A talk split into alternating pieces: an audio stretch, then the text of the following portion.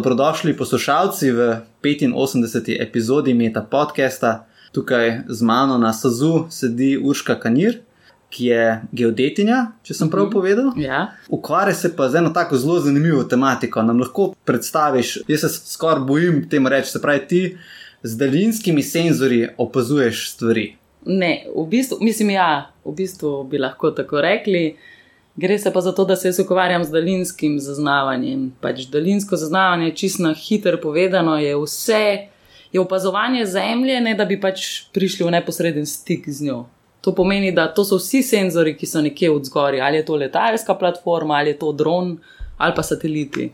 Zdaj, jaz čisto specifično se ukvarjam z opazovanjem zemlje iz optičnih satelitskih posnetkov. To pomeni ti satelitski posnetki, ki delujejo na podlagi uh, spektralnih odbojev, torej barve, čiste po domače, oziroma tudi tiste barve, ki je mi ne vidimo. Ne? Niso samo red, green, blue in vse ostalo, kar pa še noter, ampak da je veliko širše tudi ostali in prerdeči in ostali. Se pravi, ti vidiš tako sliko, kot recimo mi vidimo na Google Maps, Ja, plus še to. infrardeče in tako naprej. Da, v bistvu čist.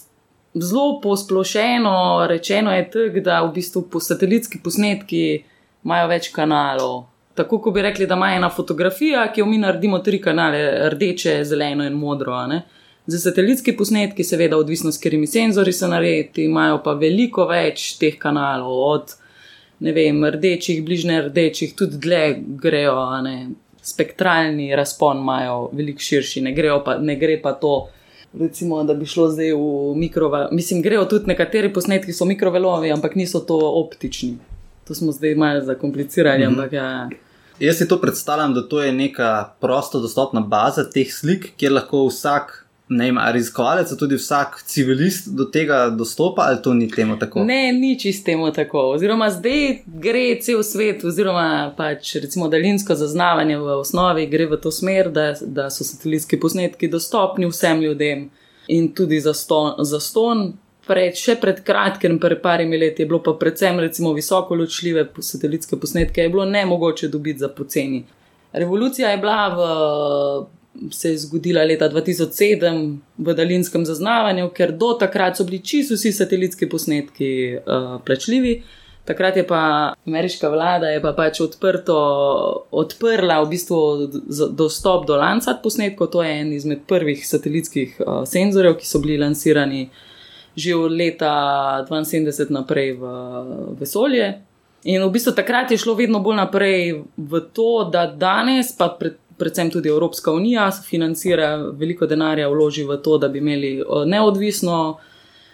Da, da bi imela Evropa, seveda, ja, in od ostalega uh -huh. sveta, da bi imela neodvisen dostop do pregleda Evrope iz različnih nivojev, ne vem, ali je to opazovanje vode, kopnega zraka, in lansira za to satelitske posnetke Sentinel, se reče, ki ima vsak svojo funkcijo. In ti, recimo, odkot, iz katere baze, pa od katerega satelita ti dobiš svoje posnetke? Mi smo na inštitutu pred leti uh, delali dost na pač, letalskih posnetkih, ki jih dobimo mi, ki jih, to jih pa posname naše ministrstvo, oziroma slovenska vlada financira. Med, delali smo pa tudi na posnetkih, uh, ki smo jih kupovali v sklopu nekih projektov ali pa karkoli, ali pa smo jih dobili za raziskovalne namene za ston. Z kakšne višine pa se snemajo pa ti posnetki letala? Zelo različno. A ja, z letala. Ja, ja to je fully različno. Zdaj ne vem, jaz bi mogla to točno za letalske. Recimo, to... ponavadi. Kakšne višine so to bile? To je 5 km nad.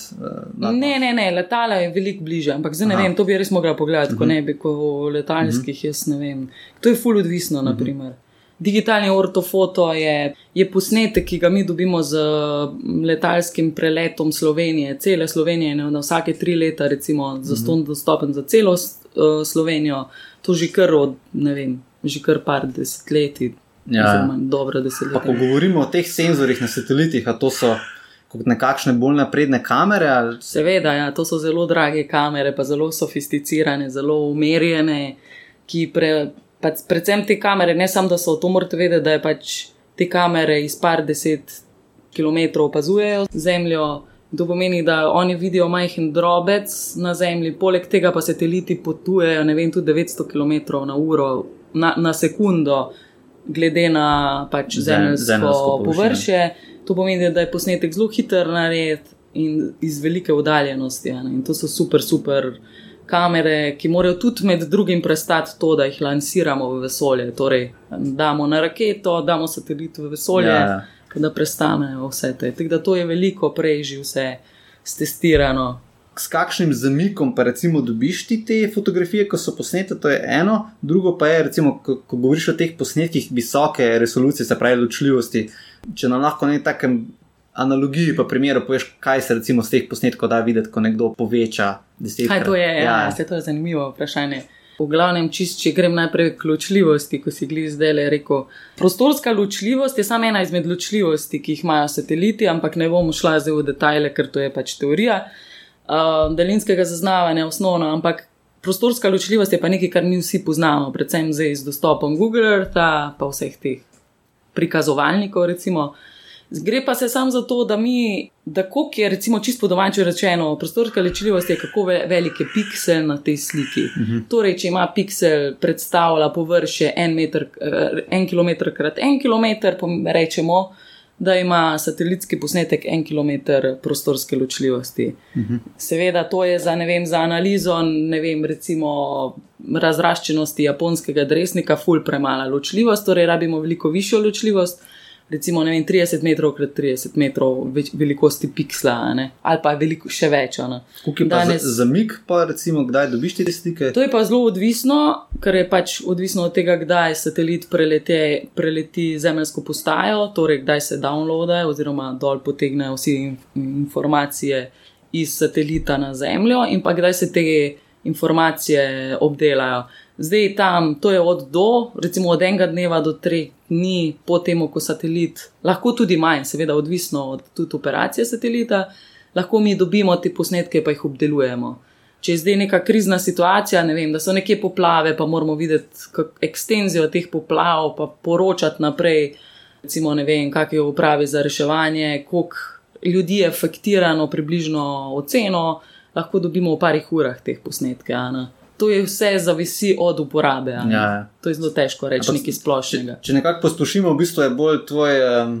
So tvoje finance bolj limita, kje posnetke lahko dobiš? Bile so, zdaj pa s tem novim evropskim sistemom, to sem prepozabila povedati, ja, da v bistvu s tem sentineli in s programom Kopernikus so pa v bistvu fu, veliko, satelit, veliko satelitov je za ston dostopnih, oziroma večina in teh podatkov. In zdaj zadnji dve, tri leta delamo mi večinoma samo na teh posnetkih. Mhm. To je tudi v bistvu zelo podpira.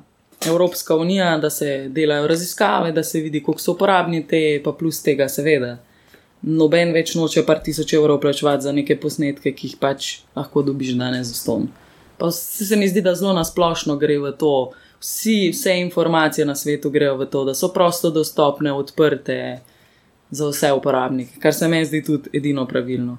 Tako da jaz tudi osebno pred leti sem delala na, pač na programskih orodjih, ki so bili plačljivi, pa obdelovala posnetke, ki so plačljivi.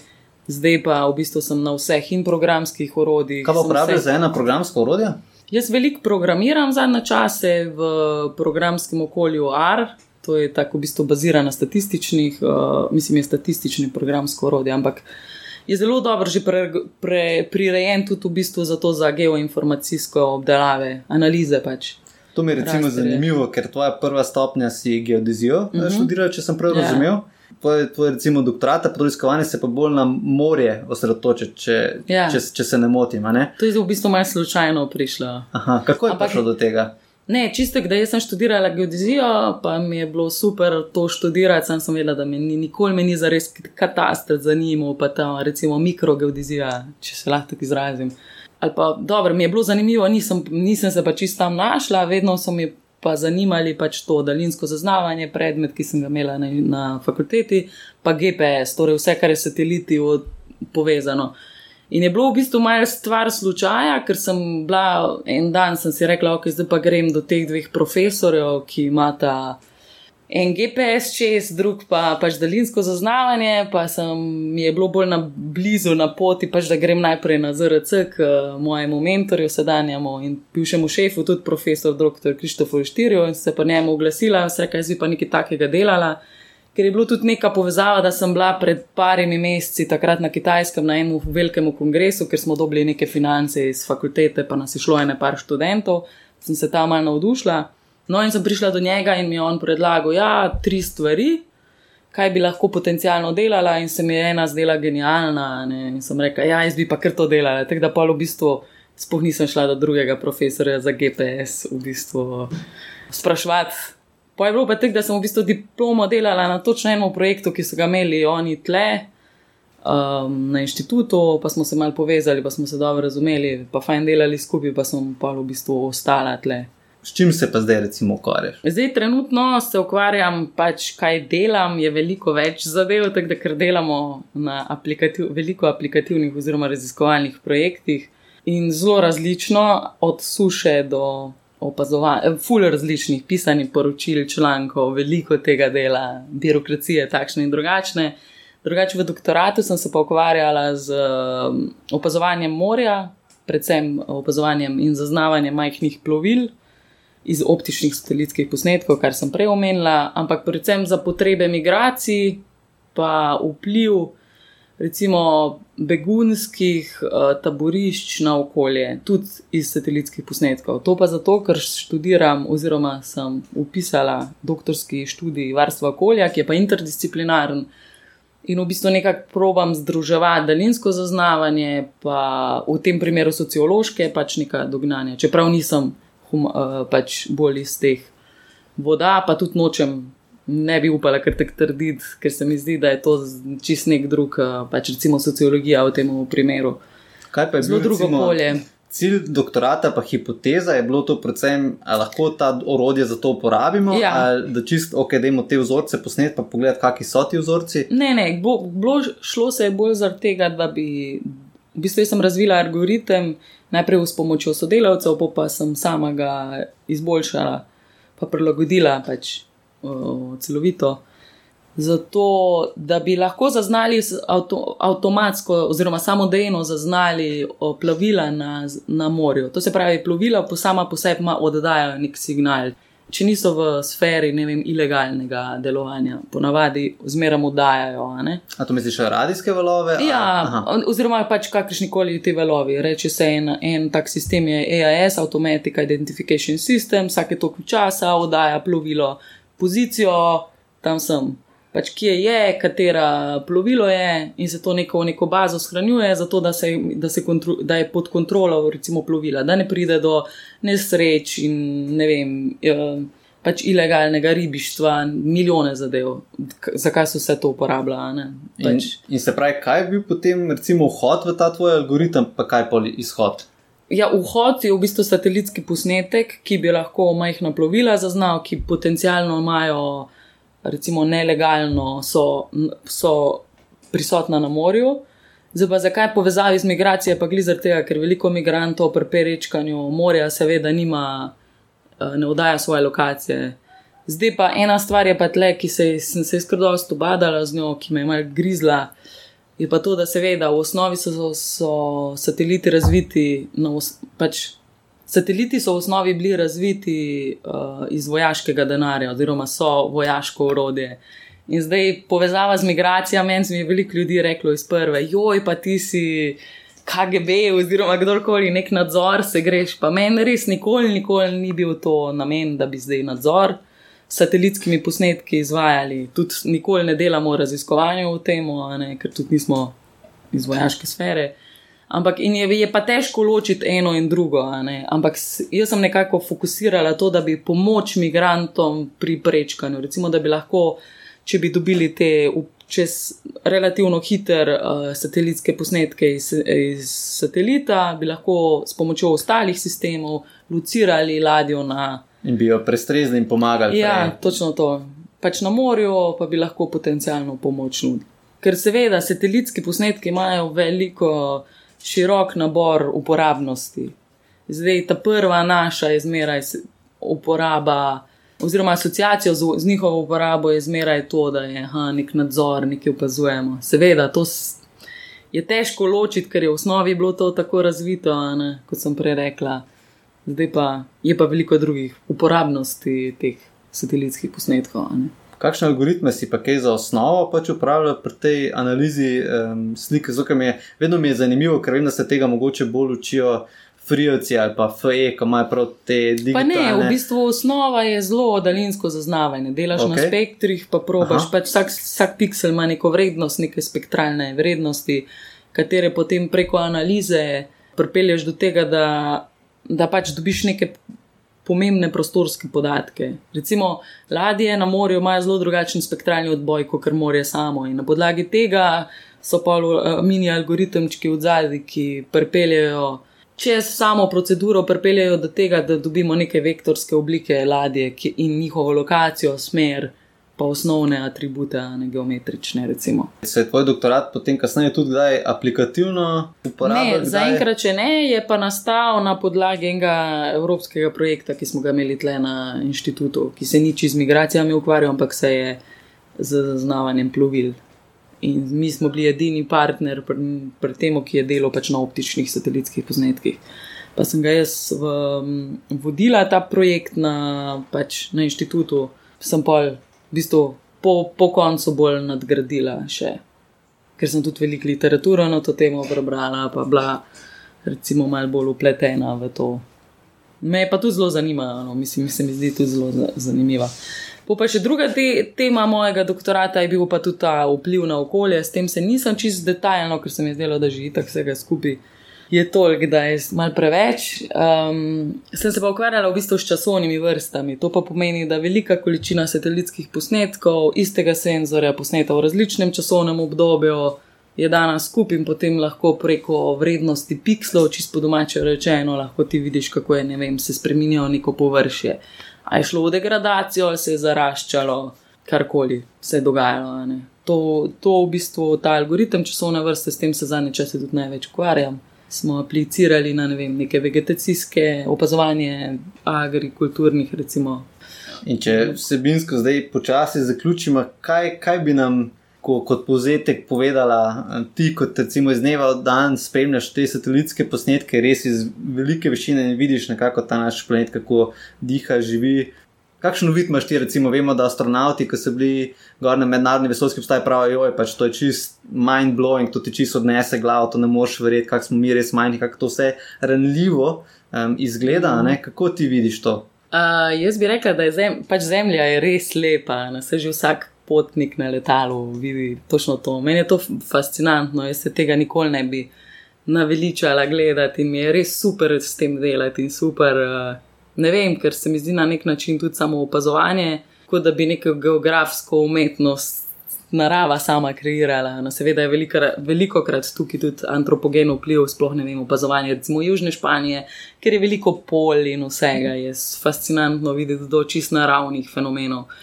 Mi je pa všeč, da zaradi tega, ker mi pač to delamo na dnevni bazi, se pa zelo fokusira, mislim, gre nekako v smer, kjer veliko ljudi v bistvu to zanima, sploh prek Google Earth, je dostopno, opazuje. Pa je tudi sem videla že dosti nekih prosojnic, kjer se kaže prej, pokasneje. Pač to je čist naše delo, kar mi delamo. Ne? In pa mi kdaj kakšni prijatelji pošljajo, le to si videla, pa tak, ja, to že res vsak dan skoraj gledamo. Ne? A se spomniš, kakšne, ali pa bi delila z nami kakšno zanimivo anegdoto za časa doktorata? V bistvu ni tako zanimiva, kot je pač žurna, ampak meni se je pred kratkim zgodilo, da sem ugotovila, da mi je tema doktorata potekla, kar pomeni, da moram še enkrat čez celoten proces prijave moje teme doktorske, kar pa tudi pomeni še dodatnih par mesecev. Do, do, do pač tega, da bom bila zmožna dokončati. Um, Zraven je pa še to, da ni to tako čist preprosto, tako da zdaj je glih v procesu potrjevanja statuta, senati. spremembe, senati in podobno. Tako da to je čisto ena taka ne ful zabavna, sploh meni ne, ampak je recimo tek, eh, da ko, ko sem razmišljala o tej temi, se mi je zdelo, da je fino pač izpostaviti, ker vem, da nisem edina na tem, ker so mi povedali na univerzi, da nas je ne par takih, sploh zaradi tega, ker, so, ker je pač zdaj. Zdaj je glih teh par let minilo, ko smo recimo začetni študenti, saj vem, da na mojem študiju. No. Če bi lahko šla na kavo s predsednikom vlade, kaj bi mu, bi mu kaj predlagali, da lahko spremeni izboljša na področju znanosti? Bi, seveda bi mu, čeprav ne vem, bi mogla malo razmišljati, če bi zdaj glih prostovoljno šla. Ampak ja, valjda bi šla. Uh, rekla bi mu pa po mojem, kaj take, kaj v smeri, kar, še, kar je že veliko krat slišal. In to je predvsem pač, da bi se povečalo podpiranje temeljne znanosti, to pomeni ne samo aplikacija, industrija, ampak da je čista, čista znanost. Pol druga stvar, s katero se mi ful velikrat srečujemo in je zelo taka pereč problem pri nas raziskovalcev, je to, da so projekti prekratko trajajo. Recimo v dveh, treh letih, gliher narediš nekaj dobrega, pa že moš skočiti v naslednji projekt. Tako da to bi mu predlagala, da bi projekti trajali dlje in da bi, da bi bil znanstvenik, pač da bi imel znanstvenik zagotovljeno financiranje, recimo vsaj pet let. Ker se mi zdi, da vsakič, ko nekaj začneš delati, glih prideš do točke, kjer se ti zdi, da nekaj znaš in pol je res konc projekta in je čist nesmiselno, ker skačemo iz teme v temo. Ta tretja stvar je pa tak, da bi se začelo razmišljati o spremembi točkovanja oziroma vrednotenja raziskovalcev, da se ne štejejo samo točke, je, pa da se ne gleda na celo znanost uniformno ker je veliko več. Ana. Nekdo manj objavlja, dela druge, veliko več. Eni namenoma objavljajo samo v določenih revijah, zato, točke, zato da točke štejejo, mislim, da nabirajo točke. Tako da to pač ena, ena formula ne funkcionira za vse. Um, Za vse znanstvenike, predvsem pa ne, tudi odvisno od vede, tako da se mi zdi tle malo problematično. No. Kaj pa bi priporočila, recimo, kolegom, študentom, mogoče kakšno programsko rodje, metodo, knjigo, čiskaj za prosti čas?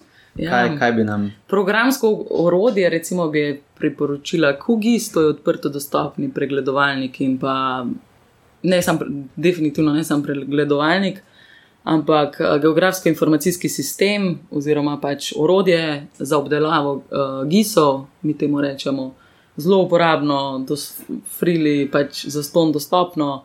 Drugo bi seveda AR, to programsko oziroma programersko orodje, ki ga sama uporabljam, se zdi res fenomenalno, pa zelo dobra podpora je na netu od user community. -a, to se mi zdi zelo važno danes, sploh recimo pri nas v Sloveniji, kjer nimamo dostopa do, do predavanj vsak dan, ampak je tako, da pač si moramo sami učiti, pa zelo sami, de, v bistvu razvijati, in brez interneta bi bilo zelo težko. No. Zdaj pa kaj še drugega. Uh, a ja, knjige, knjige bi tri v bistvu kar predlagala, ker zelo rada berem. Mislim, se mi zdijo knjige nekaj najlepšega, kar obstaja. Eno bi Galapagos Islands oziroma Galapaški otok, ne vem čisto točno, kak je slovenski prevod, od Krta Foneguta, ta je meni zelo draga, ker je v bistvu tak distopičen svet, pa zelo smešno oziroma zelo dober smisel za humor ima meni Fonegut drugo je to, da bi v bistvu omenila Complete Cosmic Comics, tega pa zagotovo ni prevoda v slovenščino, oziroma saj meni ni znano, od Itala Kalvina, od italijanskega pisatelja. Ki v bistvu bazira, je več sestavljena iz več kratkih zgodbic, vsaka zgodbica bazira na nekem fizikalnem dejstvu, predvsem povezanem z vesoljem, recimo gravitacija, in pol na, na tem dejstvu plete super zgodbe, domišljijske in je fenomenalno zmerom na novo sem navdušena, če kako preberem. Ta tretjo bi pa v bistvu čisto tega, ker je antropološka podlaga, recimo tega, kar sem jaz delala, opazovanje migracij morja, je pa od pisatelja Mauricija Albaharja, Mediterranean Migrations at the World's Deadliest Border. Ki pa v bistvu to je, on je antropolog, ki je veliko delal z migranti in piše svoje zgodbe na Lampeduzi, na otokih okoli in zakaj so migrirali, kaj so vzroki za migracije, kako bi jih potencialno lahko rešili. V glavnem je zelo dobro, dobra tema, oziroma dobro obrazložena tema. Film pa Foka Amare, oziroma ki je bil pred kratkim, ne vem, da na RTV-u eh, predvajan in ne vem pa kdo je režiser. Glavnem, če bi lahko šla s komorkoli na večerjo, brez omejitev, kdo bi bil tvoj? To je pa najtežje vprašanje, ki si mi ga lahko zastavil. Um, jaz mislim, da ne bi šla z nikomer, mislim, ne, ni res. Jaz mislim, da ne, ne bom tako rekla, da ne bi šla z nikomer, ampak ne morem dobenega povedati, oziroma uh, specifično izraziti, ker se mi zdi, da kaj takega lahko blazno definiral človeka, pa niti ne, da me to zdaj skrbi, ampak tek se mi zdi, da bi nekoga povedala, pa bi mi bilo pa če 14 dni žal, zakaj nisem koga drugega povedala. Kaj pa, če bi lahko šla na ruski bife, da vas je več, pa bi imela tako eno? Uh, to je pa že malo lažje, ja. Ful mi je težko reči, zelo definitivno ne bi, mislim, definitivno po mojem razmisleku ne bi bil kdo iz mojega strokovnega, recimo, področja, ampak bi bil bolj kak umetnik, režiser, pisatelj. Bi bil pa zagotovo ta oseba nekaj razgledana, uh, ali pa recimo, da me zelo zanima, zelo me zanimajo ljudje, ki drugače razmišljajo od ustaljenega norme, ali pa od neke ljudi, ki nepričakovano razmišljajo. Recimo. To je zdaj lahko en človek, ki živi na enem otoku in gleda v zvezde vsak cel dan, pa sploh ne pravim, pač ne rabi biti nekdo, neka znana osebnost. Ali pa ne, ne vem, pač te ljudje, ki ki so recimo lucidni, te me fu zanim, zanimajo. Se mi zdi, da daleč največ nahranijo neko duševno stanje mene, oziroma kjerkoli si predstavljam, da tukaj nisem edina. Ziger, kak astronaut bi povabila, čeprav nekaj sem jih že spoznala, pa pol vidiš, da v bistvu so fu zanimive osebe, ampak da bolj ali manj isto govorijo. Mislim, isto, iste izkušnje imajo, seveda ne govorijo isto, ne, da ne bom naredila krivico komu. Poje zagotovo bi bil, ne vem, kako navdušujem se nad enim režiserjem, Alejandro Jodorovski, ki je res krma lunatik in čilenski režiser, pa ne vem, Muska, Bjork, recimo. Sem spet to, to delam krivico ostalim, tako da ne vem. Ja, le v življenju pač mora nekako človek postaviti prioritete, že je sam 24 ur v dnevu. Zelo težko. To je edini način, ne? Ja, ampak to, to se mi zdi, da, kriv, mislim, da, je, da je krivično vprašanje. Lej, se opravičujemo vsem, ki niste prišli na seznam, lejte večer je dovolj, zagotovo ima Urška še kar nekaj 100 tisoč v, v življenju. Ne? Tako da, lej. upamo. Poslušali ste Meta podcast. To je oddaja, v kateri se pogovarjamo z mladimi znanstveniki in znanstvenicami z različnih področji znanosti.